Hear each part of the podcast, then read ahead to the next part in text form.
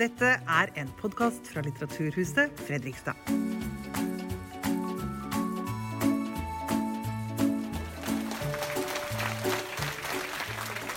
Ja, da er klokka slagen av dere. Vi starter jo, Her er det tysk presisjon, så her starter vi alltid eh, på minuttet. Eh, velkommen hit til Litteraturhuset Fredrikstad. Eh, jeg heter Roy Andersen, jeg er, er eh, daglig leder her. Og det er jeg som skal lede denne samtalen i dag. Eh, vi skal jo denne kvelden forsøke å kikke litt bak eh, maska til, til det som vel er verdens mest omtalte mann det siste året. Eh, og med, med meg her i kveld så har jeg Åge Borchgrevink. Velkommen til oss. Tusen takk. Hvem er Åge Borchgrevink?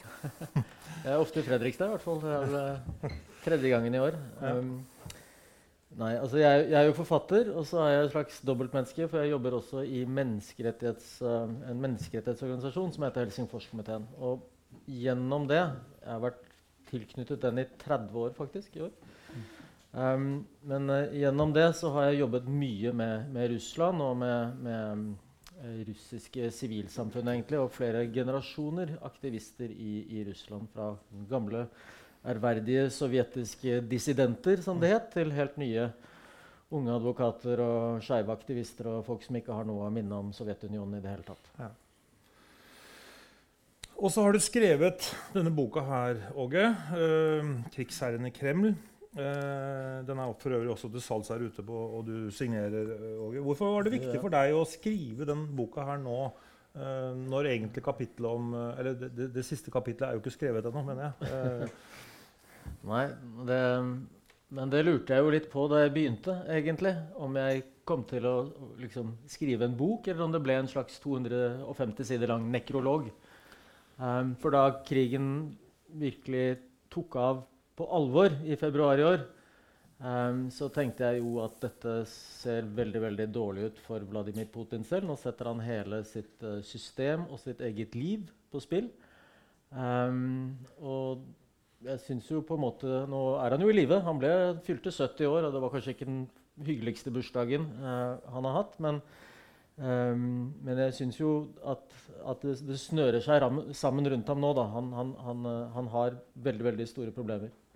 Men uh, jeg, jeg ønsket likevel å skrive denne her, fordi Putin er jo en person, selvsagt. Men det er jo også et system. En, en på en måte um, ja, Han har etablert et regime som har vist seg veldig uh, dyktig og sånn auto, aut, autoritært, da, altså med kontroll. Eh, politistat på mange vis, men, eh, men likevel forbausende smidig og, og, og dyktig. Og jeg tror mange av de trekkene ved Putins stat kan jo fort overleve også videre. Og jeg syns det er viktig å, å vise fram noe av det. Det var derfor jeg hadde lyst til å skrive denne boka.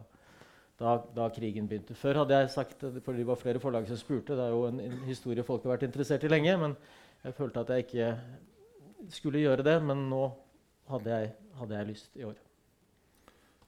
Når var det du første gang var i Russland, eh, Åge? Jo, da het jo ikke det Russland. Hæ? Da het det Sovjetunionen. Um, og da var jeg, uh, da, da var jeg på videregående i, i Oslo. Og så var vi på klassetur i Sovjetunionen uh, i tre uker. Og jeg husker Foreldrene våre var veldig nervøse, for det var rett etter Tsjernobyl. Eller bare noen få Ikke rett etter, men for foreldrene våre så virket det altfor tett. da. Høres ut som 88-89 der. Ja, det var 87. Ja. Um, og, eh, så da var vi i Moskva og Leningrad, som det het den gangen. Nå heter det jo St. Petersburg, og det er jo en by som eh, hovedpersonen i denne boka kommer fra. Um, en av de tingene jeg, jeg husker best, var at jeg det, vi, vi var 17-18 år. eh, det ble ganske mye festing, for å si det rett ut. Um, og så var jeg med noen av vennene mine i Moskva, og så gikk vi til Den røde plass, altså ved Kreml. Så tittet vi rundt der, og så sa vi ja, her skjer det i hvert fall ingenting. Og så gikk vi tilbake til hotellet. Og en time etter det så landet Mathias Rost med flyet sitt eh, på Den røde plass. Hvis Ja. du husker den historien der. Det var jo en, en, en klin gæren tysker som da tok sitt lille småfly, og så fløy han inn i Sovjetunionen, som da egentlig burde ha medført at han ble skutt ned og drept, og alt mulig sånt, men det skjedde ikke. I stedet så landet han på Den røde plass. Og ja, det var en ganske stor sak, den tiden der, men vi trodde at det ikke skjedde noe på Den røde plass. Vi, ja. Men kan den historien egentlig fortelle oss litt om Du ser Det russiske forsvaret har jo store problemer i dag. Liksom. Også, ja, jeg vet ikke om Det går an, det er kanskje litt å trekke det langt, men Jeg, jeg syns absolutt det er noe det sier et eller annet om Russland. Det sier kanskje litt om det du var inne på der. At det, liksom, det ser veldig imponerende og stort og skummelt ut, og så er det kanskje ikke så eh, Når det kommer til stykket, eh, er den kontrollen så, så veldig altomfattende likevel. Det sier kanskje også noe om at allting kan se helt vanlig ut i Russland, så plutselig skjer det noe helt sinnssykt. Og, og, og allting er jo annerledes. Og Vi var der i 87, da var det Sovjetunionen, og noen få år seinere var jo hele den staten borte totalt. Nå sitter det jo veldig mange 16-17-18-åringer her i dag. Liksom. Hvorfor, ja. hvorfor, det, hvorfor, tror så, hvorfor, tror du det er viktig at de skal få vite liksom, mer om hvem denne personen Vladimir Putin er?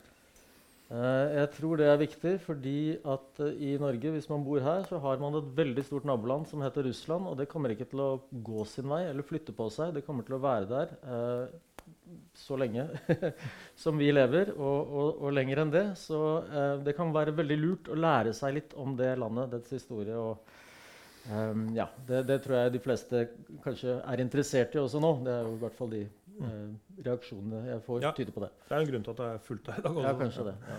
Men, men, la oss uh, Jeg tenkte, før vi liksom begynner å uh, gå litt inn i historien til um, Vladimir Putin, så har jeg lyst til å ta uh, litt, noen få år etter at du var i Russland, eller Sovjetunionen som det da het, så kommer Jeltsin til makta. Vi trenger ikke liksom ta den historien der om hva som skjedde da Sovjetunionen falt. Det er liksom en egen historie til. Men hvilke hvilket jeg tror liksom Det er kanskje litt viktig for å forstå hvordan Putin kom til makta, og forstå litt hva Russland var på 90-tallet.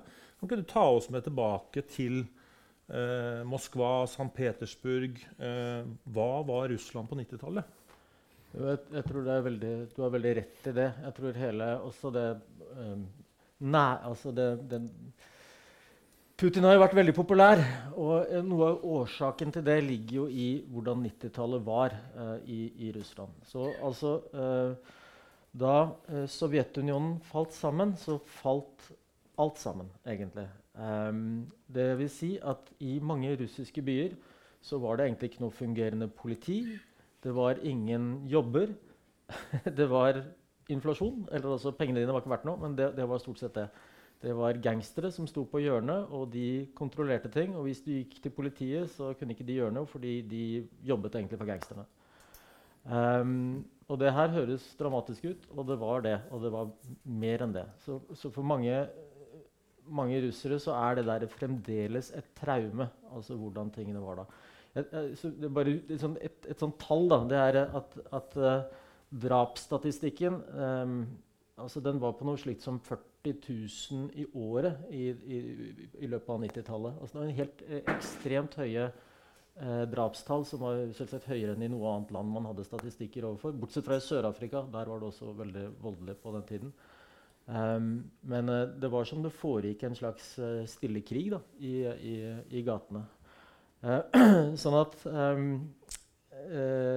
Samtidig som det var realiteten, så hadde du et nytt styre i det nye Russland som snakket om, om uh, demokrati, om rettigheter um, ja, Alle de tingene folk snakker om på 17. mai her i Norge. egentlig, Snakket de, de russiske lederne om på den tiden. Og jeg tror at veldig mye av den skepsisen til demokrati og rettigheter og lovstat også kommer fra den perioden der. For når myndighetene sier dette, og din realitet er slik at Det er kaos. Ja, da, da, da, er jo ikke på en måte, eh, demokrati noe du kanskje ønsker. Du ønsker kanskje nettopp at noen skal komme inn og bare rydde opp, og samme hvem det er, og gjerne brutal og whatever, liksom, men du vil ha noen regler, noe liksom, sikkerhet for deg selv. Uh, og gjerne noe mer penger, noe å leve av. Og det var jo liksom i denne mest kaotiske kaosperiodene at uh, Putin entrer liksom den, den nasjonale scenen i Russland. Så er det kanskje verdt å nevne en episode til som ikke skjedde i Russland, men som påvirka vel for så vidt sterkt den holdningen, altså den, den, den, stemningen som var i Russland. 99, Kosovo. Eh, ta litt om det. For det, det, da øker vel dette antivestlige stigmaet i, Russland? Det, det, er riktig. Um, dette her er gjaldt jo også veldig mye i den russiske eliten, altså russiske myndigheter. De hadde jo de fleste en sovjetisk bakgrunn, var vant til å være representanter for en supermakt. Eh, og Russland var ikke det. Russland var et konkursbo, men fremdeles en veldig stor stat i Europa og med et mektig militære. Selv den gang var det jo det, i hvert fall sånn når det gjaldt antallet soldater. Eh, så eh, under krigene i eh, det tidligere Jugoslavia, og dem var det jo flere av eh, Den siste var i Kosovo i 98 og 99. Um, da bestemte uh, uh, um, altså USA og, og, og Nato-landene seg for å gripe inn uh, mot Serbia, som på den tiden drev en kampanje i Kosovo, som formelt sett var en del av Serbia, men hvor det var en, en, en muslimsk majoritetsbefolkning av albanere. Kanskje det sitter noen her i, i, i, i salen som, som har bakgrunn derfra um, og Russland de, de, de, de, var jo på den serbiske siden i dette og ble helt overkjørt av, uh, av eh, USA og, og, og, de andre vestlige landene, som uh, da gikk inn militært uh, mot Serbia, selv om de ikke hadde klarering i Sikkerhetsrådet. Så det viste jo for all verden at, at Russland hadde ingenting de skulle ha sagt, selv ikke i på en måte det som var ganske nær deres egen grense da, på Balkan i Europa. Um, så det var et, eh, et, et, eh, rett og slett et, eh, et traume for, for Ydmykelse? Ja. For, for, den, for, den, for, den, russiske eliten. Og i tillegg så var det også litt nifst. For hvis stater kunne glippe fra hverandre, slik det nå så da når Kosovo kunne tas ut av Serbia, hvordan ville det da gå med Russland? For der hadde du også flere områder i Russland, republikker der, som ønsket selvstendighet og hadde kjempet veldig hardt for det. Tsjetsjenia er jo den uh, mest uh, brutale av de konfliktene der, selvsagt.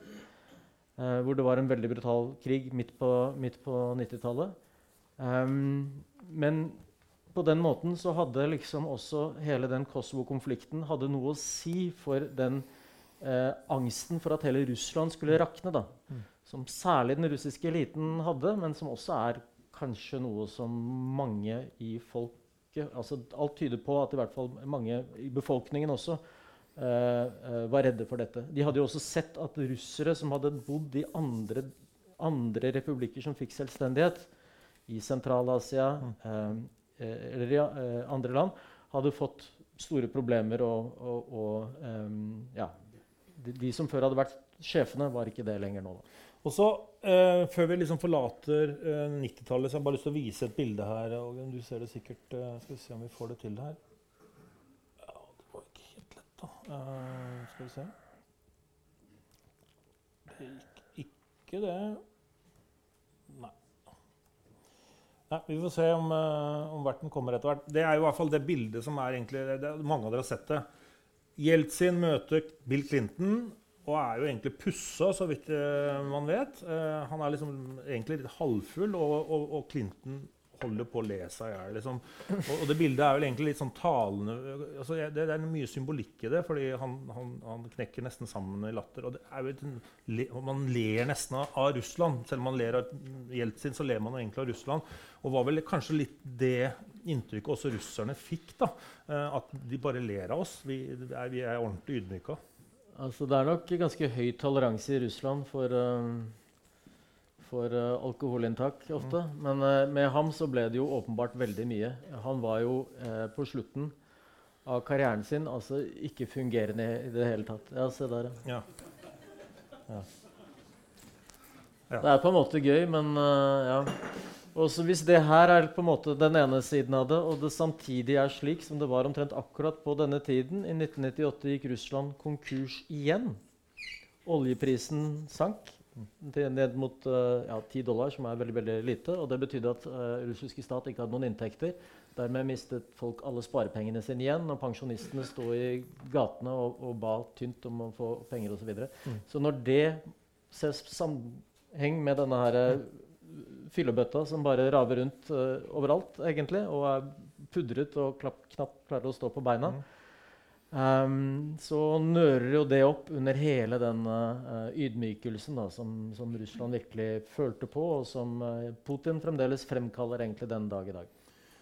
Så får vi hoppe noen tiår eh, tilbake, for nå skal vi snakke litt om Putin og hans for så vidt barndom. Liksom. Hans far er jo eh, knytta til andre verdenskrig, og Putin har vel også vært veldig flink til å knytte seg selv til andre verdenskrig gjennom kanskje sin far og, og det som skjedde i St. Petersburg. Eh, for krigen er jo en helt sentral del av fortellingen om Russland. Eh, men hva vet vi egentlig om Putins barndom og oppvekst? Jeg trenger ikke å si så mye om faren hans her, egentlig, annet enn at han kjempa i den andre verdenskrig i, i Leningrad. Ja, nei, altså om, om, barndommen til Putin så er det for det første det å si at kildene er få. Og dette voktes også som en statshemmelighet av Kreml, av russiske eh, regjeringen. Eh, slik at eh, journalister som har forsøkt å grave barndomsvenner, lærere, naboer, slektninger osv., de har ikke hatt noen enkel jobb, for å si det forsiktig. Um, så jeg tror man skal ta alt med en sånn klype salt. Uh, men det som er hevet over tvil, er at um, Og som er viktig, tenker jeg, det er jo at, at jeg tenker på Putin som en som har tre foreldre. Det er mamma, det er pappa, og så er det krigen. Um, den beleiringen Leningrad ble utsatt for av nazistene under annen verdenskrig, var uh, en katastrofe. Altså, nå var det mange katastrofer i annen verdenskrig, men det var ingen by som på en måte led gjennom så mye som uh, Leningrad gjorde. Um, det var hundretusener, man regner vel med at det var i hvert fall en million mennesker som døde av sult. Uh, kannibalisme og ja, alt man kan tenke seg egentlig av elendighet. Um, I denne gryta her så var faren til Putin han var frontsoldat ble veldig hardt skadd og overlevde så vidt. Moren eh, ble også veldig svekket av sult og, og, ble vel nærmest båret ut av huset sitt for å, å dø. Så begge to var, var nære slutten. Og eh, det lille barnet de hadde, som da ville vært storebroren til Vladimir Putin, han døde eh, under beleiringen. Um, I tillegg døde f.eks. noe sånt som fem av farens seks brødre. De falt under krigen uh, som soldater. slik at dette var overlevende fra krigen, og på mirakuløst vis så fikk de da et barn i 1952, og det, det var Putin. Og Når du ser bildene av han, så, så, er disse foreldrene de er jo på det tidspunktet da 40, noen i, i 40-årene. Men de ser ut som de er besteforeldrene og vel så det til denne lille gutten som sitter på fanget deres. altså. Uh, og Han har selv beskrevet i noen av de mer interessante tekstene han skriver om hvordan hele dette surret av historier om annen verdenskrig preger hele hans barndom. hvordan han husker foreldrene snakker om det. Så det er åpenbart noe som opptar ham i veldig stor grad. Og når du har sett på hans eh, virke som krigsherre selv, selv eh, så er det jo vanskelig å ikke tenke litt på hva Leningrad måtte gjennomgå, og hva senere Grozny i Tsjetsjenia, Aleppo i Syria eller Mariupol i Ukraina måtte gjennomgå. av det, veldig mye av de samme tingene. Total bombing og sult osv. Mm. Uh, men det er jo en, det er mye vi ikke vet om Putin i oppveksten. Men det er, jo en, det er noen ting som, som, er blitt kjent, og antageligvis kanskje blitt bevisst også. Eh, og det er jo at han var litt bøllete som ungdom. Fortell litt om det. Eh, for det er vel kanskje noe som Kremlin, et bilde som Kremlin ønsker at man skal sitte igjen med? da. Ja, det, det, det er nok en viktig sånn del av hele, av hele Putin-skikkelsen uh, hans. da. Så ja, nei, At han var en ordentlig uh, bølle som var da upopulær på skolen blant lærerne. Um, I konflikt med foreldrene sine, særlig faren. Uh, var ute i gata og sloss dagen lang og holdt på med det til man var langt sånn ut på jusstudent og egentlig risikerte studieplassen sin da, for å dra på byen og, og slåss, egentlig. Um, det er sånne historier han liker å fortelle. Uh, så hele dette at han er en sånn der street fighter, er, er en viktig del uh, av sånn han og Kreml måtte profilerer ham også. Men dette her er jo også ting som vennene hans sier. Han var sånn. Um, så at han, at han, var Han har én historie uh, som han forteller og har fortalt flere ganger.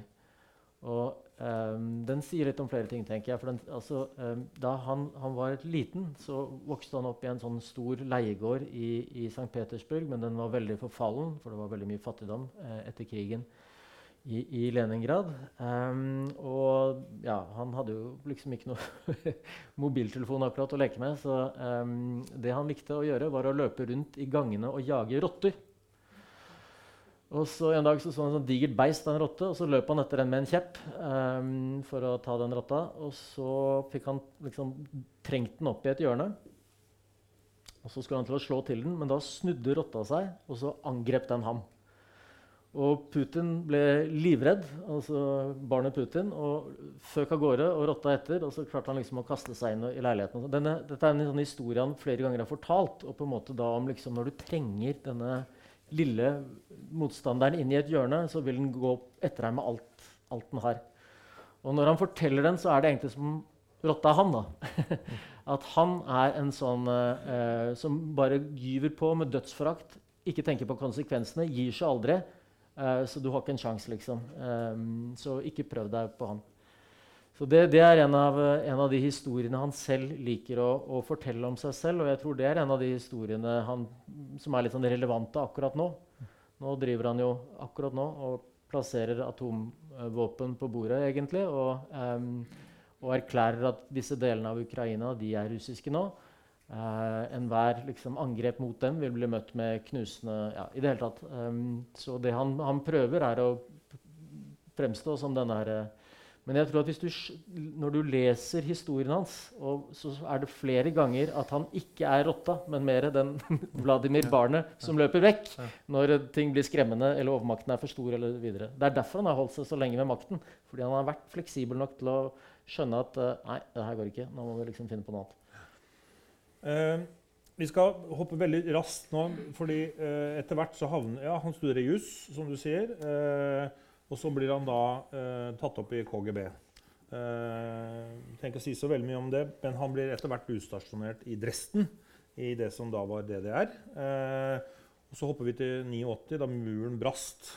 Det var jo ikke helt udramatisk, det som skjedde de dagene. Det var vel november, så vidt jeg husker. november mm -hmm. 89. Fortell litt om det, Åge. Da er altså han utstasjonert. Eh, menig KGB-soldat. Eh, ja, ja, Så det er liksom som å tenke seg dette her store romerske imperiet ramler sammen, og så har du en sånn lite fort med romerske soldater som er langt ute og omringet av barbarer. Og Det er på en måte sånn Putin fremstiller det som å være i Dresden på den tiden. Da, da var han i KGB-residensen det forhatte sovjetiske eh, sikkerhetstjenesten, som eh, vanlige folk, eh, de fleste folk i Øst-Tyskland, hatet nesten enda mer intenst enn sitt eget sikkerhetstjeneste, Stasi. De jobbet jo veldig tett sammen. Og på et tidspunkt der så kommer jo eh, demonstrantene, som da har egentlig bare eh, tatt over hele Stasi-kontoret, altså den østtyske sikkerhetstjenesten, de kommer også til KGBs residense og stimler sammen utenfor der. Og da er det flere vitner som bekrefter den historien om at det var en kort uh, KGB-offiser som var uh, vakthavende, altså leder, den, uh, den, den, kvelden og kom ut og snakket med demonstrantene. Og det er Putin, da. Um, så han var der, og han, han, konfronterte dem. Og det som på en måte var historien hans, er at liksom da, da, står han der på, på, på, post og passer på imperiet, altså sovjetiske liksom sånn det er arkiver der, det er mange hemmeligheter der. Det er også deres eiendom, og det er på en måte hele liksom, posisjonen da, til, eh, til, eh, til, Sovjetunionen. Og med alle demonstrantene der så ringer han hjem. Eh, han ringer til Moskva for å få ordre. Hva skal jeg gjøre? Altså egentlig Skal vi skyte på demonstrantene? Hva skal vi gjøre? Hvordan forholder vi oss til dette? Og så ringer han, eh, og så er det ikke noe svar. Og så har han skrevet selv og sagt flere ganger at eh, Moskva var taust. Og det er sånn, noe han forteller, men som er, veldig lett å tro på. egentlig virkelig var et traume for ham. At der var han eh, fra KGB, som var den mektigste institusjonen kanskje i denne supermakten. Og så opplever han det å være forlatt ute i ødemarka, omgitt av eh, masse folk som hater deg, og eh, sentrum er ikke der. Det er ingenting i Moskva. Hele, hele staten har ramlet sammen. Så hele prosjektet hans det, det, det, det, skriver seg litt fra den, den opplevelsen, opplevelsen, der. For prosjektet hans er litt sånn Harald Hårfagre-aktig i Norge, kan du si, da, å samle Russland. Um, som er på en måte da helt pulverisert og, og gått i stykker. og Det er, det samlede han vil. Men uh, ja, i hvert fall han, han, overlevde den kvelden. Han skjøt ikke på demonstrantene. Men uh, at det var et traume for ham, er ingen tvil om. Og så, han, så flytter han uh, Så ramler jo DDR sammen. og ja, Han flytter hjem igjen til det som vel da fortsatt var Leningrad, men som etter hvert da ble St. Petersburg. og navnet blir jo omgjort. Uh, hva gjør Putin da? Nå, snakker vi, nå er vi jo tidlig 90-tall. Uh, eh, han kommer jo fort under vingene til uh, den lokale administrasjonen der. Ja, han blir en veldig viktig mann. Um, en slags um, skygge, kanskje, til den veldig sånn populære borgermesteren. Som er en av de liksom, liberale, demokratiske, nye russiske lederne. Um, og altså, Han kommer jo tilbake. Det er også litt sånn interessant. da, De har med seg en gammel vaskemaskin tilbake fra Øst-Tyskland. liksom, og Kona hans, eh, Ludmilla, hun skriver også om på en måte hvor ydmykende det var å komme hjem, og så måtte hun stå i kø sånn som alle andre. Og I det så ligger det jo litt denne her at KGB, eh, hvis man er der eh, Da har du egne butikker. Du slipper liksom altså hele hele det der å være et vanlig men menneske i en vanlig situasjon var, uh, var tungt uh, og, og, vanskelig for, for hele familien. men disse nye demokratene, sånn som denne borgermesteren som het Sobchak, Anatolij Sobchak i, i, i Leningrad, de trengte hjelp for å få hjulene til å gå rundt. Dere husker hvordan vi snakket om 90-tallet liksom sånn tidligere. Det var liksom Ting funket ikke. Og mer enn det så fantes det eh, heller ikke penger i, det, i, i, i staten. Russland var bankerott, og, og, regionene var også i stor grad bankerott. Um, men det var noen som hadde tilgang til penger. Og blant dem så var disse her gamle nettverkene knyttet til KGB. Mm. Og, um, så, så det, det, her var et sånt veldig sånn, typisk egentlig, sånn forhold. At du hadde de nye liberale demokratiske lederen. Men han måtte ha en sånn fikser, en som kan ordne ting. En som kan på en måte stå på litt og skjønner hvordan liksom, ting skal ordnes. Og det ble Putin. Og Putin var også involvert i en masse korrup korrupte eh, eh, forskjellige former for forretninger i denne tiden. Det er vel dokumentert. Og I tillegg så jobbet han eh, veldig tett med det som var kjent som byens nattguvernør, kalte de det. Fordi du hadde, du hadde jo eh, tilsynelatende en myndighet i byen knyttet til borgermesteren og de valgte forsamlingene osv. Men mye av den reelle makten befant seg i de, eh, altså mafiagruppene i, i St. Petersburg. Og en av de sterkeste av dem het eh, Tambov-brorskapet. Og lederen der var kjent som nattguvernøren. Og han og Putin var, eh, var tett på hverandre på flere vis. Og, eh, eh, og de der mafiagutta til, til nattguvernøren var de som passet på hytta til Putin, f.eks. Ja. ute i skogen mot Finland. Men her, her er det snakk om olje, smugling, valuta og narkotika. Det er, liksom, det er, liksom, det er hele pakka. Ja, det er, eh, det er, rett og slett det. Um, det som på en måte er det spesielle med St. Petersburg, er jo den store havna der. Det var jo Da byen ble laget, så skulle det være Russlands vindu mot Vesten.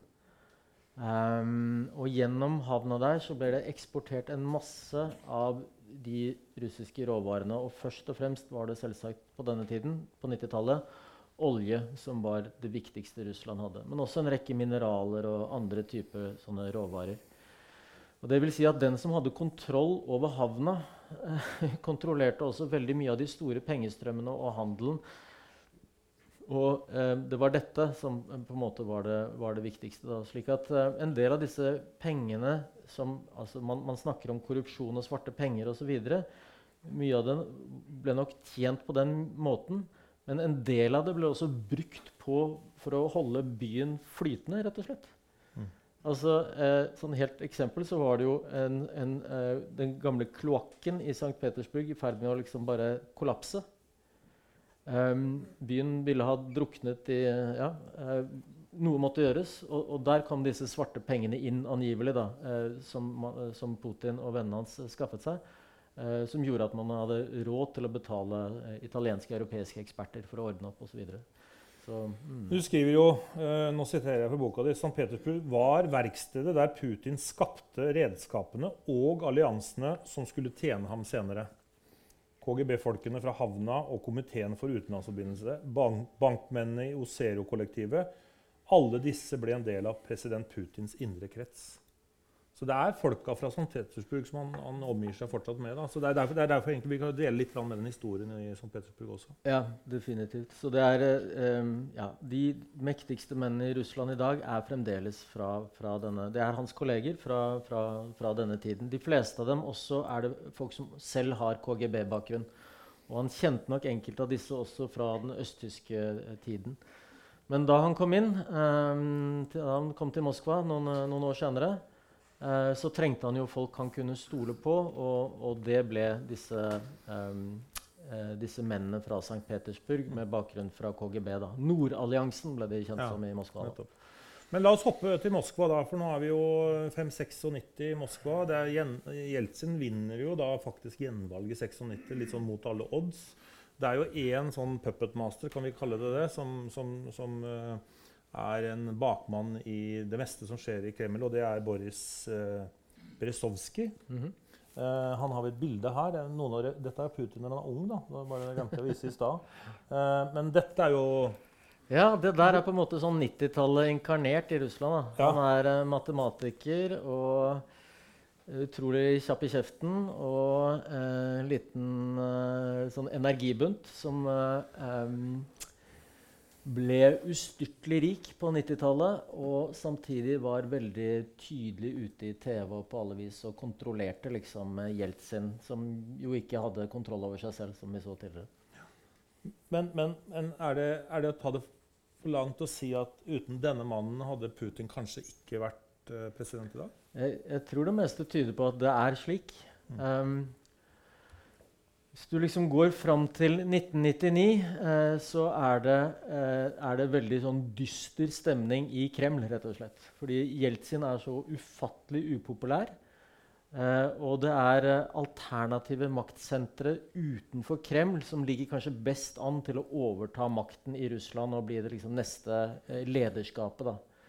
Og det er veldig skummelt for ham og vennene hans, fordi eh, Berezovskij bl.a er en av de som har profitert mest på en del av de um, ja, korrupte avtalene som ble inngått på 90-tallet, og som hadde å gjøre med, med fordelingen av, Russlands olje- og gassressurser. Det, det, eh, det, er jo på en måte liksom, Kjernen i hele Russland er olje og gass. Det er, det, er, det er, de viktigste tingene. Det som skaper pengene. Det som gjør at staten eh, kan fungere. Uh, men for at Jeltsin skulle velges, som du nevnte, um, så uh, gjorde han en deal med syv av de rikeste mennene i, i Russland, inklusive han Berezovskij her, som handlet om at de skulle gi ham penger og veldig god dekning på sine TV-kanaler.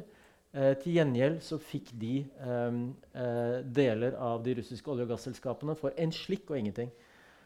den personen som um, Berezovskij jobbet nærmest med, det er kanskje en person dere har hørt om. Det er Roman Abramovic. heter han. Uh, har et uh, forhold til en, en, en, en, viss sånn fotballklubb i London, bl.a. Uh, og, og, andre ting. Men de to kjøpte sammen uh, opp for en slik og ingenting da, noen, noen, veldig store selskaper. Så frykten var for disse menneskene i 1999 at hvis Jeltsin, som hans periode var slutt, hvis disse andre rivalene deres kommer til makten, så er det egentlig fengsel, og de vil miste alt de eier for dem.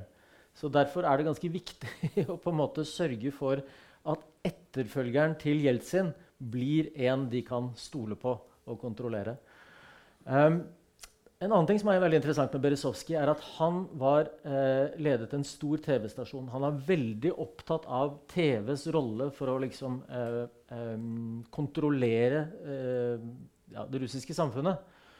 Uten, eh, altså I 96 var Jeltsin også ekstremt upopulær. Likevel så ble han valgt i det eh, valget i 96. Var det et fair valg i 96? nei, det var det overhodet ikke. Eh, og en av grunnene til det var jo TV-stasjonene til bl.a. han fyren her, hvor de eh, på alle mulige vis eh, eh, tok og, og, og, portretterte de politiske rivalene til Jeltsin som den korrupte banditter og skurker og ja, på alle mulige vis degenererte individer osv. Så videre. sånn at det hadde en effekt. Det bidro til at, at Jeltsin klarte, klarte seg, seg den gangen. Så uh, I 1999 så, um, så, gjorde han, denne mannen her da, en, en, uh, en del sånne uh, undersøkelser av hvem ville være populær i Russland. Og da viste det seg at den personen russerne så opp til mest og liksom på en måte Ja, det var, det var ikke en, en en liberal demagog som liksom snakket om demokrati og sånne ting. Det var en en agent fra en, en sovjetisk spionserie. Så en, en fiktiv eh, sånn James Bond på sovjetisk, da. Og denne, denne agenten heter Stirlitz og er i, i liksom sånn undercover i Nazi-Tyskland og jobber der for å liksom forhindre at Nazi-Tyskland og vestmaktene skal samarbeide. Og det klarer han jo, da. Så, så det er en ekte Eh, en totalt fiktiv uh, greie. Ja, men da var, var personen i TV-serie? Altså, uh, ja. ja. ja så, og denne TV-serien var sånn at når den gikk på TV i, på 70-tallet, så var det ingen mennesker i gatene. Det var liksom det man så på. Um, så, uh, så, det var på en måte det var denne personen Så, så dermed så begynte uh, Berezovskij å tenke i retning av de hemmelige tjenester, altså KGB-bakgrunn. Uh, og På den tiden så var det en KGB-direktør der som het uh, Vladimir Putin og hadde demonstrert sin lojalitet til Jeltsin på et par andre måter uh, tidligere. og Av den grunn så ble han hentet opp. Han skulle være Stirlitz i denne operasjon etterfølger da, som skulle berge hele hoffet rundt Jeltsin. egentlig. Og det fungerte strålende. Um, sånn at uh, Riktignok kom Putin inn og var totalt ukjent sommeren 1999. Men et par måneder senere så var han Russlands mest populære politiker. Mm. Og det handlet veldig mye om å liksom portrettere ham som denne tøffe agenten. Og så handlet det om en annen ting til, og det er krigen i Tsjetsjenia. Bare lyst til å nevne, Det er kanskje litt kuriosa, men det, det, det, er, er, samtidig ikke det. fordi det er vel litt sånn uh, hvordan Putin og hans uh, kumpaner uh, opererer.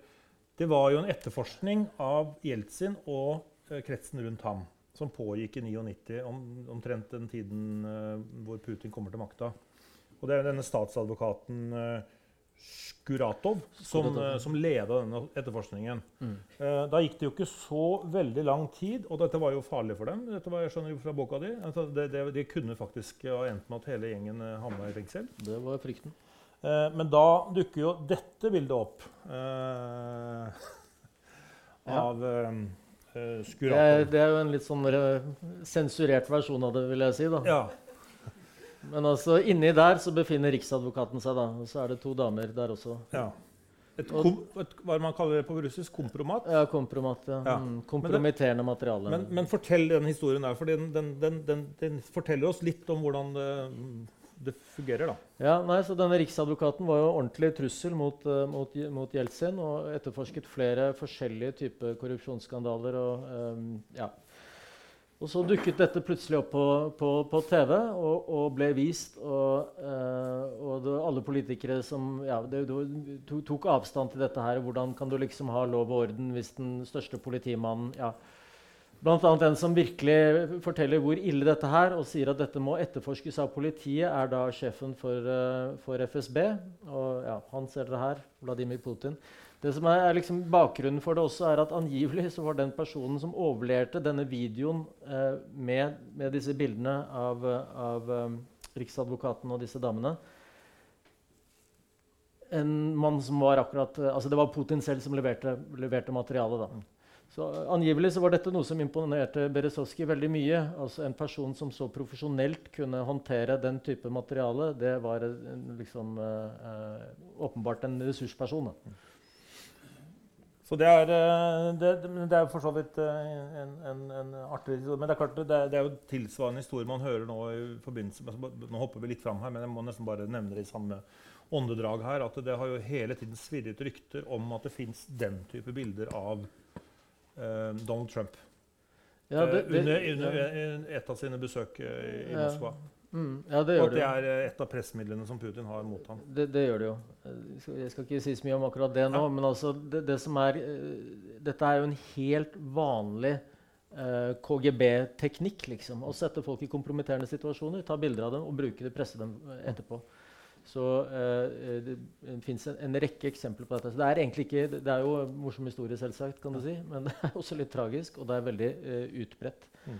En annen ting som også, eh, hvis vi følger følge den historien litt videre da, eh, Berezovskij var jo da veldig fornøyd i og med at Putin ble jo så populær. Mm. Og han eh, gikk rett inn og, og ble presidenten eh, etter Jeltsin. Og han ordnet det slik at det var uh, ingen altså Immunitet for Jeltsin ble garantert. Det var jo liksom første dekret hans. Uh, at han bestemte at uh, all etterforskning skulle stanses osv. Så, videre. så allting gikk til- tilsynelatende helt strålende inntil Berezovskij begynte å prøve å fortelle Putin hva han skulle gjøre. Da gikk det ikke bra. Og eh, Berezovskij var den første av disse rike mennene, oligarkene, som måtte eh, forlate Russland. Han ble jaget vekk. Um, og TV-stasjonen hans ble tatt fra ham. For det aller første Putin tok kontroll over når han skulle samle Russland, det var TV, faktisk. Så han og Berezovskij var jo like der at de innså at liksom den måten å, å på en måte lage historiene, hvordan folk snakker sammen, og alt sammen, det er det helt helt vesentlige som, som trengs. Så Berezovskij endte opp i, i London, og så uh, ut for en tiårs tid siden eller noe slikt, så ble han funnet kvalt på badet sitt. da, an, Angivelig et selvmord. Men ja. Det er veldig mange eh, av den kretsen rundt Jeltsin som eh, ikke lever lenger. eh, som, dø, som har blitt ja, Ja, du, på mystiske omstendigheter. ja, det er jo mye, mye av det. Og jeg skriver jo en del om de tidlige tingene her i boka mi også, fordi noe av poenget tenker jeg med liksom sånn Dannelsen av Putin eh, det var jo at han sannsynligvis så ut til å være knyttet til noe av den såkalt usynlige økonomien som Sovjetunionen hadde på slutten. Dvs. Si at KGB solgte olje og gass, egentlig, og eh, så gjemte de pengene i utlandet. Og kontrollerte det og brukte det til forskjellige ting de trengte. Um, men da, da Jeltsin da kom inn som ny statsminister i Russland og gledet seg til å liksom sjekke hva som var i statskassa, så fant han at den var tom. Ehm, og da forsøkte de i en, en, en viss periode å undersøke hvor disse pengene kom fra. Og da var det, um, uh, da var det et, et sånt kontor i, um, som hadde oversikten over utenlandshandelen med råvarer. Og tre av de personene som hadde jobbet der, to av dem falt ut av, vindu, av hvert sitt vindu, og den tredje døde på en annen måte. Og etter det var det vanskelig å få noen til å samarbeide særlig godt med etterforskningen. Da, kan du si. Sånn at dette her er jo på en måte, har en lang historie, og akkurat nå i, i år så har det også vært en, en påfallende serie sånne dødsfall blant forretningseliten i Russland. De som ikke har vært sånn så nært knyttet til, til eh, Putin som sånn gamle KGB-bakgrunn, men mer sånn forretningsmennfolk som på en måte, Der har det vært eh, mye, mye, mye rare dødsfall også nå i år. Jeg har bare lyst til å snakke om to hendelser som, øh, som definerer Putin veldig altså det, det på en måte var veldig viktige i, i, i hans øhm, maktkonsolidering i Russland. Og det er jo da øh, Du har nevnt krigen mot Tsjetsjenia. Vi kan liksom ikke gå inn i den i detalj, men det er klart det Fire høyblokker, tror jeg det var, øh, i Moskva blir jo da sprengt eh, eh, høsten 99. Eh, da, er jo Russ, da er jo Putin statsminister, han har ennå ikke blitt president. Eh, men dette eh, Her er det jo veldig mange versjoner, eller her er det mye spekulasjoner hva som egentlig skjedde. Eh, kan ikke du si litt om det? Fordi dette var da en angivelig terroraksjon utført av tsjetsjenere. Ja. Det var fortellingen. Det var fortellingen, og den, den var jo en av de eh, ja, Så det som, det som skjedde, var jo at hele krigen mot Tsjetsjenia begynte på nytt igjen i 99. Etter at det hadde vært en veldig blodig og upopulær krig i Tsjetsjenia bare noen år tidligere, som hadde endt med en form for avtale der egentlig Tsjetsjenia fikk en form for selvstendighet. Um, og bare noen få år etterpå så starter krigen opp igjen. Og, um, og liksom, utrolige grunner så er den plutselig nå veldig veldig populær. Dette er liksom som, som om, om, Vietnamkrigen sluttet i 75, og så hadde amerikanerne dratt tilbake igjen i 78. Liksom. Det er helt utenkelig. ikke sant? Men det var egentlig det som skjedde i Tsjetsjenia på den tiden der. Men eh, for å bygge opp dette her, eh, krigssinnelaget i, i, i, i, Russland, eh, så, så, var jo dette en krig mot terror, eh, var det, eh, var, det, var, det, Putin kalte det. Og disse fire eh, eksplosjonene, det var to i, Moskva og, og et, i et par andre byer, ble liksom, altså, skylden ble lagt på tsjetsjenerne, og det skapte enormt raseri. Og, eh, jeg hadde jo måtte, kolleger og venner som befant seg i, i, Russland på den tiden, og de var jo redde i sine egne leiligheter. Altså, alle folk som bodde i leilighets, store leilighetsblokker, var redde. Visste ikke hva som ville skje, for dette var tydeligvis en større ting som, som var overalt. Så den, det, den redselen og det raseriet og alt sammen ble kanalisert på tsjetsjenerne, som var de bandittene som sto bak dette her. Og det Eh, og det da å gå til krig mot dem, det, ja, det var en veldig vellykket måte å, å, lage en fiende på. Da, kan du si.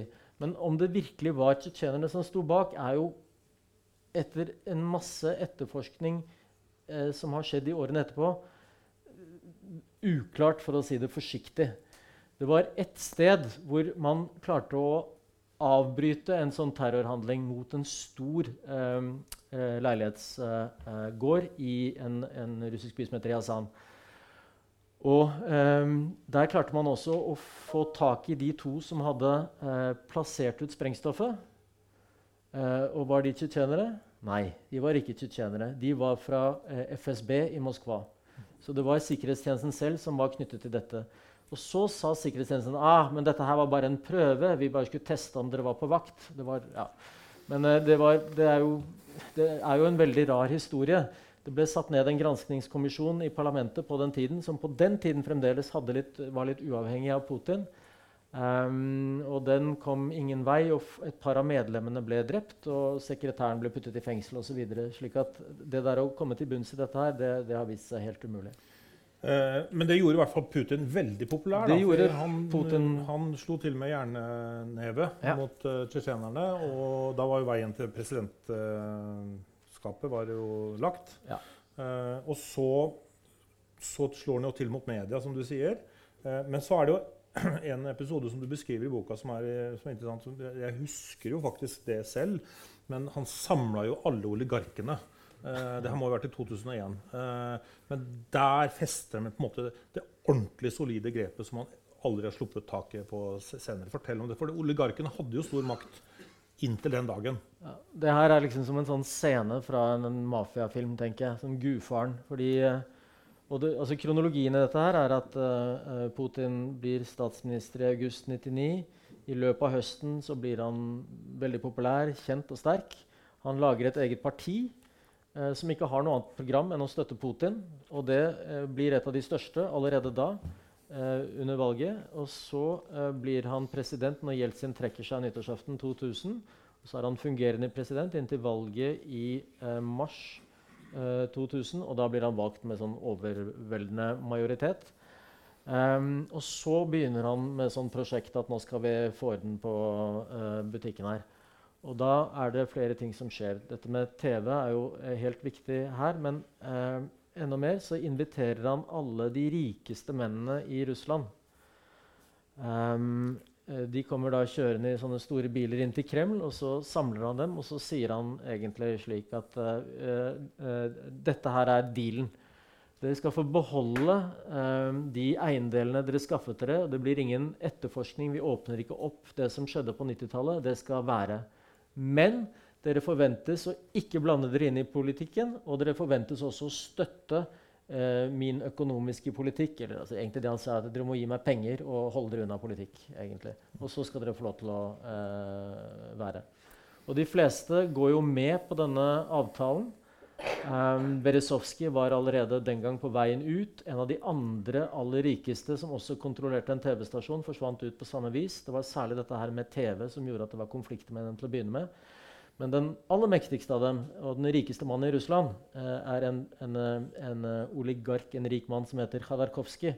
Og det er jo den store konfrontasjonen mellom han og Putin ja, han, i den tidlige han, han lar seg ikke dupere så lett. Han, han, han, han går mot Putin. Han, han går mot Putin. Um, først langsomt, og så, ja, så, blir det en tydeligere og tydeligere konflikt utover i 2003-2004. Um, og hvis du liksom holder det til dette gudfaren-bildet, så er jo uh, han Khodorkovskij ganske interessant, for han kommer jo fra å være håndplukket av KGB. Uh, å være sånn ungkommunist som da fikk i oppdrag å um, uh, etablere bank og gjøre forskjellige ærender i denne tiden når Sovjetunionen gikk i oppløsning. Og Av den grunn var han en av få som hadde penger og, på begynnelsen av 90-tallet. Og med de pengene brukte han til å etablere et svært imperie. Og han endte jo også opp som eier av et av de store eh, olje- og gasselskapene i, i, i, Russland. Det største, faktisk. Og så er det at liksom, han ønsker, på en måte, sånn som Michael Corleone i 'Gudfaren', å på en måte bli en legitim businessmann. Eh, det var mye fra hans bakgrunn som ikke var så vakkert. Det var en død borgermester i byen der oljen ble utvinnet, hvor det var sikkerhetssjefen til Khadarkovskij som ble dømt for drapet. Eh, flere slike historier. Men på 2000-tallet så forsøker han eh, å gjøre det. Å omdanne selskapet sitt til å bli et ordentlig selskap med revisjon, med uavhengig styre. og på en måte Gjøre en sånn vestlig modell da, av et stort oljeselskap. Og han vil også bli stor internasjonal. Dels så tror jeg han ønsker å på en måte bygge et forretningsimperium utover Russland. Men i tillegg så ønsker han å få utlendinger inn i, som eiere, eh, og dermed en form for beskyttelse eh, også mot russerne. Sånn at Hvis han kan få amerikanske eiere i sitt selskap, så vil det bli mye vanskeligere for eh, Kreml å, eh, å, ta ham. Um, men uh, i den kampen der så er det jo Putin som er, er, den, er den, mektigste. Um, og han, uh, han, klarer å ja, Han setter uh, Khadarkovskij i fengsel. Um, og etter noen tid så skrur han sånn sakte til, og det er en kjempelang rettssak som også er så kjedelig at folk ikke helt orker å følge med på den. rett og slett. Altså, det, er, det, er, så mange taktikker som brukes liksom, for å få dette til. Det er som en sånn kveleslange som langsomt liksom, sånn, strammer i grepet, og så sakte sånn, sånn, tar, tar, kontroll. Da. Så i dette her i hvert fall, så, så ender Khadarkovskij opp i, i, i, i fengsel. De fleste av medarbeiderne hans er enten i fengsel eller stukket av til utlandet. Og selve liksom sånn, eh, kronjuvelen hans, det store selskapet, alle verdiene i det, er eh, ranet av et annet selskap som heter Rosneft. Eh, som blir det store sånn, olje- og gasselskapet, eh, eller oljeselskapet i Russland etter dette. Og er kontrollert av han som bar vesken til Putin i, i Leningrad. Eh, altså Men Rosneft er jo et selskap som vi i Norge bør kjenne litt til også, eh, stemmer ikke det? Jo, det, det, det syns jeg kan være ja, vi, vi, kanskje, Det er jo en norsk link her som vi bare var innom veldig veldig kort. fordi at, eh, Og, og det, det, har vel mange, mange, tatt selvkritikk for eh, nå de siste året, at vi har vært altfor naive. Men, eh, men, Statoil og Helge Lund var vel en del på, på besøk i Moskva på ja, 2011-2012, var det vel? Ja. Det, Fortell litt om det. Sånn. Stemmer, ja. Mm. Jeg tror på en måte, altså Bare liksom, gå tilbake én ting til. Ja. Hvorfor er russerne så glade i Putin? Og hvis jeg skal si én ting oljeprisen. Altså I 1998-99, når han kommer inn, så er det 10 dollar fatet. Eh, noen år senere så er den over 100. Hva, hva, har det å si for inntektene til Russland som stat? Ja, dere kan tenke dere selv. Men hele liksom, det at han er så populær og får økonomien i gang Hovedforklaringen er bare så enkel.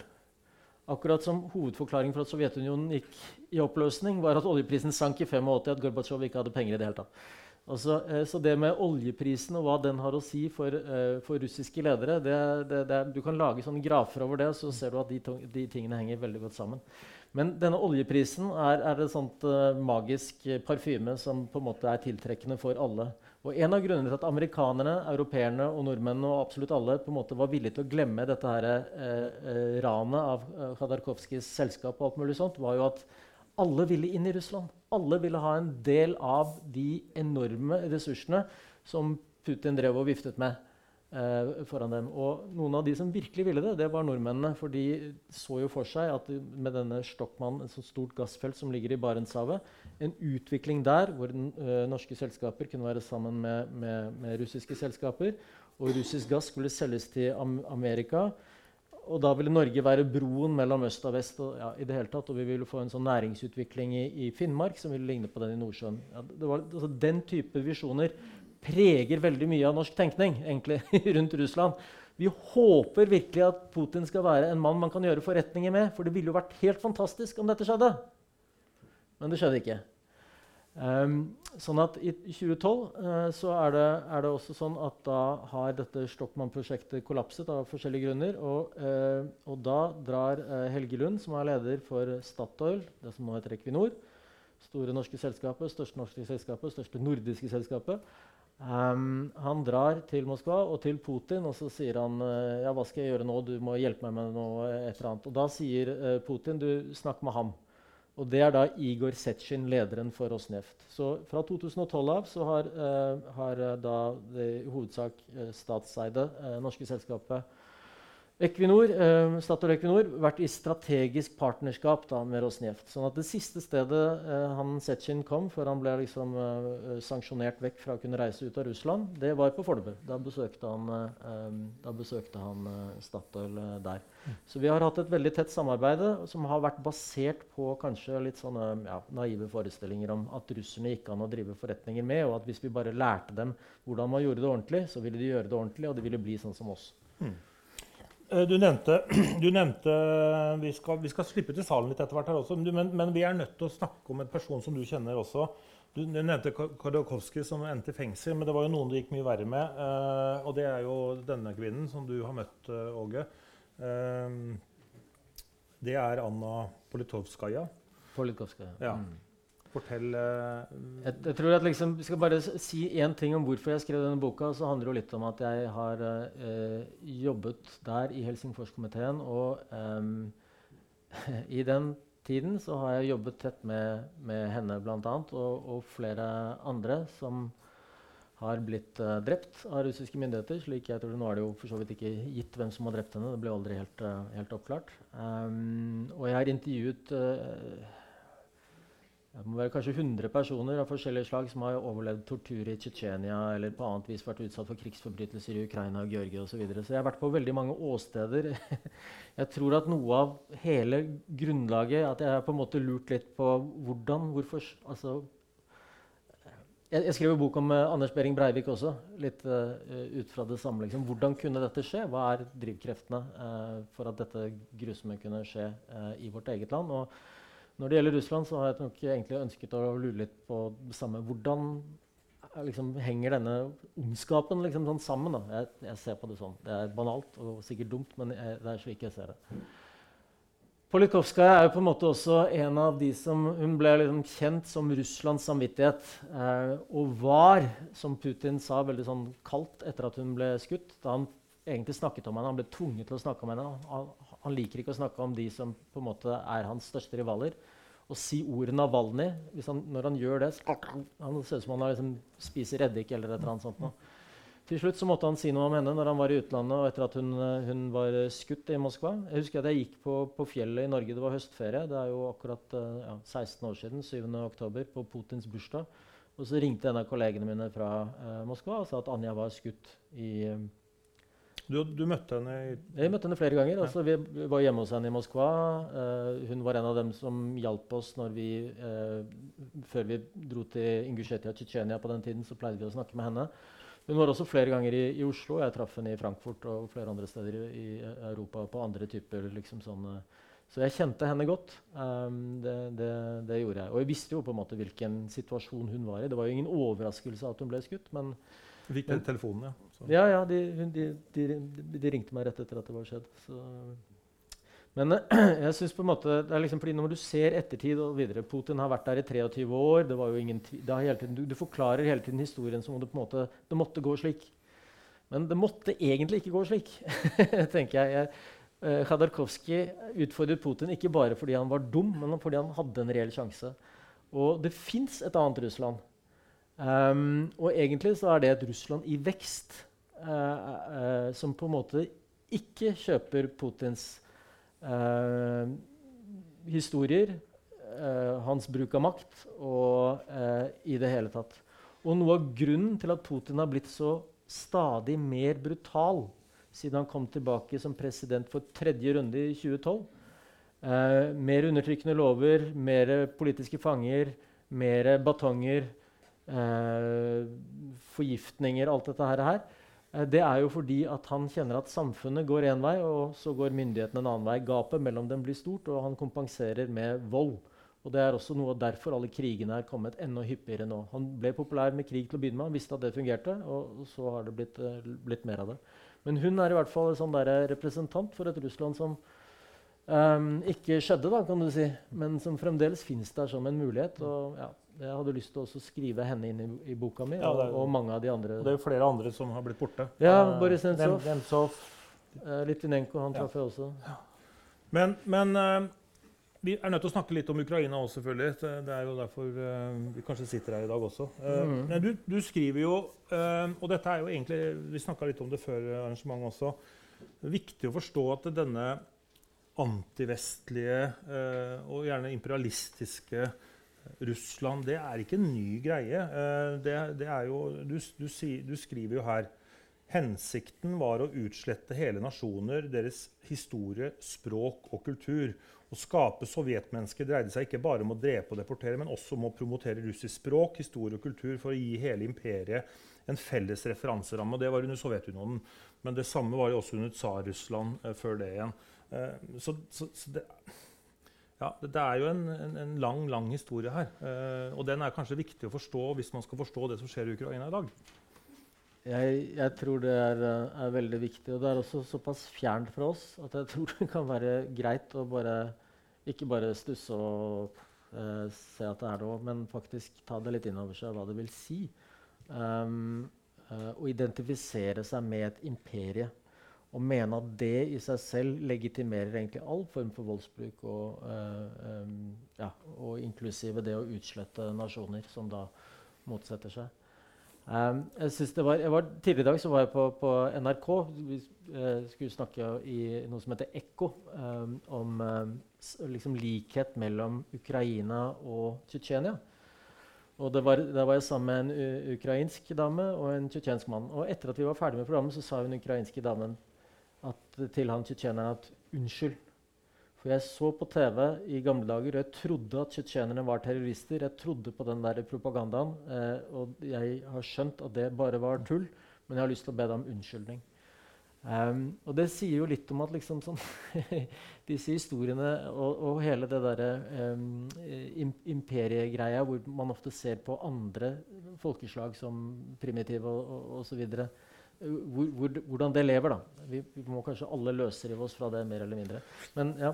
Ja, ja altså uh, Ja, og jeg må, jeg må, nesten ta over dette bildet. For, for, når du sier dette med imperietankegang, så er det jo som så syns jeg da, uh, at dette minner meg sterkt om hvordan egentlig Hitler og nazistene så på tyskere som et slags herrefolk. Uh, og som hadde liksom en rett til å legge andre land under seg og herske og dominere. Og da må jeg spørre deg hva du tenker. da, Åge. Hvor mye fascisme og for så vidt slags nazisme er det å finne i denne nye russ, eller i dagens russiske ideologi?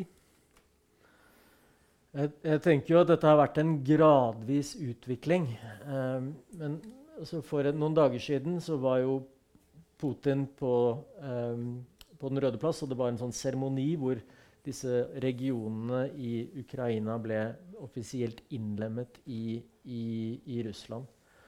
Og hvis du hørte etter hva Putin sa da, om at Vesten dette her, det er sånn eh, problemer med kjønn osv., og, så videre, og det er satanister eh, altså Det var helt sånne merkelige former for anklager eh, han kom med. Og så, Hvis du spoler litt sånn tilbake, 20 år f.eks., så fantes også disse folkene i Russland som sa det samme greiene. Men det var ofte sånne Putin brukte for å si at uh, Ok, her har vi en helt uh, psykopatisk nasjonalist. Se på han, dere. Det er bedre å ha meg. Ikke sant? Og da hadde han et sånt rom, og han hadde alltid noen å peke på som var verre. Så hvis utlendingene sa at uh, du burde ikke krenke menneskerettighetene så mye i Tsjetsjenia, så sa han ja, ok, men hva med ikke sant? Men hvem skal han peke på nå? Nå er det han som er selv dette her. Og hele dette fabrikkeringen av all symbolikken og prøve å liksom, mobilisere hele folket rundt denne, denne operasjonen Alt dette her er jo selvsagt fascisme. Det er ikke noe annet ord for det. Det er ikke noe bedre beskrivelse av det. Hvis du hører hva folk sier, men også hva Putin selv skriver om Ukraina, f.eks., så skriver han, og dette tror jeg virkelig han mener, eh, det er jo det som er litt nifst um, Ukrainsk selvstendighet er kun mulig sammen med uh, Russland. Og egentlig under Russland. Så han, han, skriver og snakker som en sånn psykopatisk ekskjæreste som ikke kan anerkjenne dette bruddet. Han mener at uh, kjæresten må komme tilbake, og at uh, han har egentlig rett til å gjøre hva han vil med henne. da.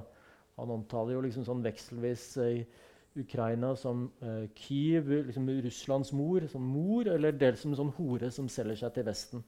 Så det er sånn Madonna-hore. veldig, veldig merkelig språk han bruker. Men ja, dette her er jo på en måte, jeg, jeg skriver jo litt om dette i boken, de forskjellige sånn jeg kaller sånn kontraktene Putin har inngått med russerne. Hvorfor støtter de ham? Så den første da han kom inn, handlet om at på en måte eh, eh, Jeg tar deres rettigheter, men dere får penger, og dere får trygghet. Kriminaliteten sank, levealderen gikk opp. På alle parametere fikk russerne det mye bedre i 2000-tallet, på begynnelsen av um, av Putins karriere. Da han kom tilbake igjen som eh, president for tredje gangen, så fungerte ikke dette lenger. Det var kjempestore demonstrasjoner i, i, Moskva og noen andre store byer. Det var et genuint problem. Hva var løsningen? Jo, det var en kontrakt basert på ære. Krim er vårt. Krig i Ukraina osv. Og, så og igjen så gikk han sånn rett opp i været popularitet. Det var Sotsji-OL, og det var fotball-VM osv. Um, nå uh, så begynte også den kontrakten å, å, å, å, dabbe av. Og det siste han har å komme med nå, er en sånn kontrakt basert på frykt. Frykt for utlendinger, frykt for alle, frykt for atomkrig. Uh, frykt, frykt, frykt. Også frykt for regimet uh, selv, Putins politifolk og de strenge lovene osv. Hvis, du, hvis du på en måte sier noe nå, så er det rett i fengsel, og du får juling uh, ute på gatene osv. Så, videre. så du ser en, sånn der, en, en utvikling i dette. Um, som har gradvis gått én vei, og det er jo liksom endestasjonen du ser der, på noe vis, som er ren fascisme. Du har hørt en podkast fra Litteraturhuset Fredrikstad. Vi er støttet av Kulturrådet, Fritt Ord, Fredrikstad kommune, Fredriksborg eiendom, Viken fylkeskommune, Sparebank1 Østfold Akershus, Verksted AS, Fredrikstad Energi og Handelsbanken.